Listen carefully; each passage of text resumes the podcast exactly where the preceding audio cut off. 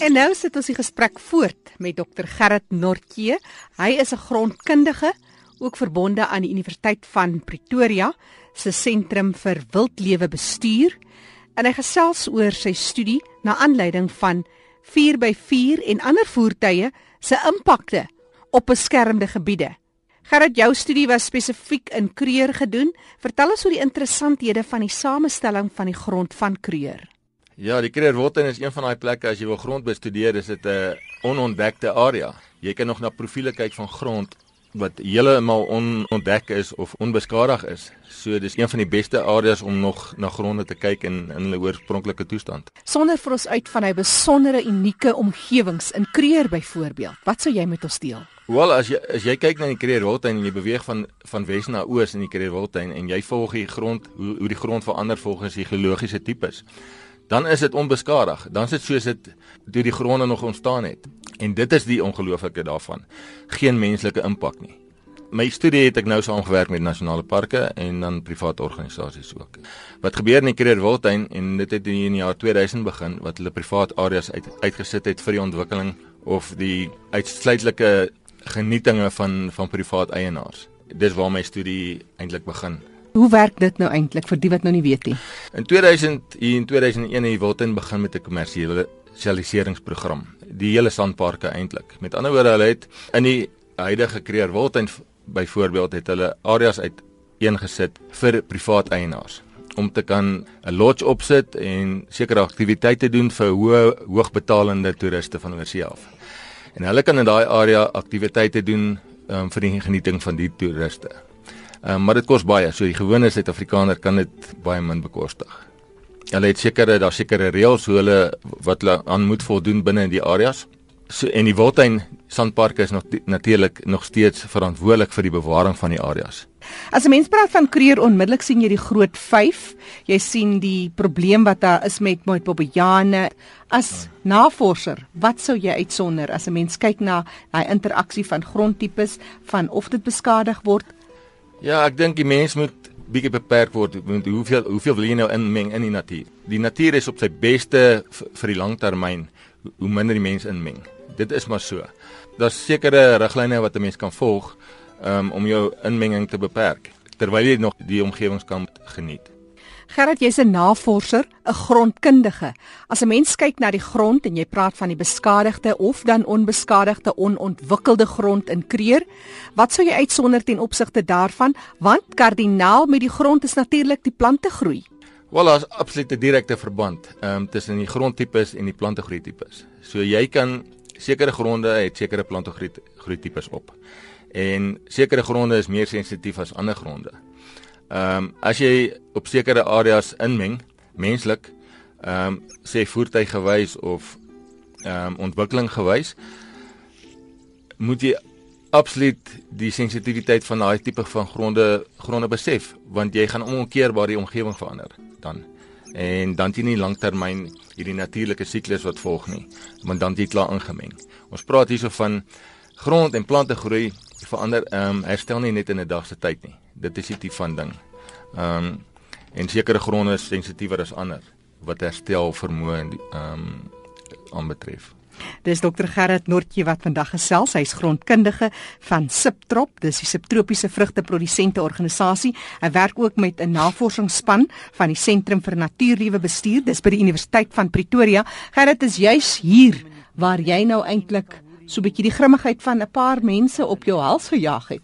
Dis nou aanleiding van 'n studie wat jy gedoen het meer spesifiek om te kyk na 'n uh, eh, boergrondbeskadiging. Dis spesifiek in beskermde omgewings. Ja, met die kommersialisering van sandparke en die ontwikkeling van privaat areas binne in die Wildtuin wat uitsluitlik vir die doeleindes van privaat eienaars het hulle aktiwiteite soos off-road driving toegelaat. Daar seker 'n riglyne vasgestel, maar van die riglyne is glad nie getoets wetenskaplik nie. En dis waar ek inkom in 2004 het ek begin met 'n projek in die suide van die en in in van daardie konsessies om te kyk uh, die impak van off-road driving. My studie het laas jaar klaar gemaak in bo in Pafuri area in die noorde van die Kreerwoudtuin en waar ek bepaal het wat is die impak van hierdie voertuie tye op ehm um, ondergrondse kompaksie, ehm um, korsvorming en dan ook plante groei herstel. Wat is ondergrondse kompaksie? Ons kry twee tipes van kompaksie. Jy kry oppervlak kompaksie waar die boogrond baie vlak ehm um, verhard, 'n korsvorm. Met ander woorde, dit ehm um, plante groei kan nie daar daar ontwikkel nie. Sade kan nie deur die ontkiem en dan die saailinge kan nie deur die kors dring nie. Water kan ook dan baie minder in die grond indring. Dis oppervlakte kompaksie wat baie keer deur reendruppels en dit van goed plaasvind as jy kaal gronde het. En dan praat ons van voertuig of mensgemaakte kom ehm um, kompaksie wat onder die grond tot so ver as 1 meter diep onder die grond plaasvind. Dis iets wat ons nie sien nie.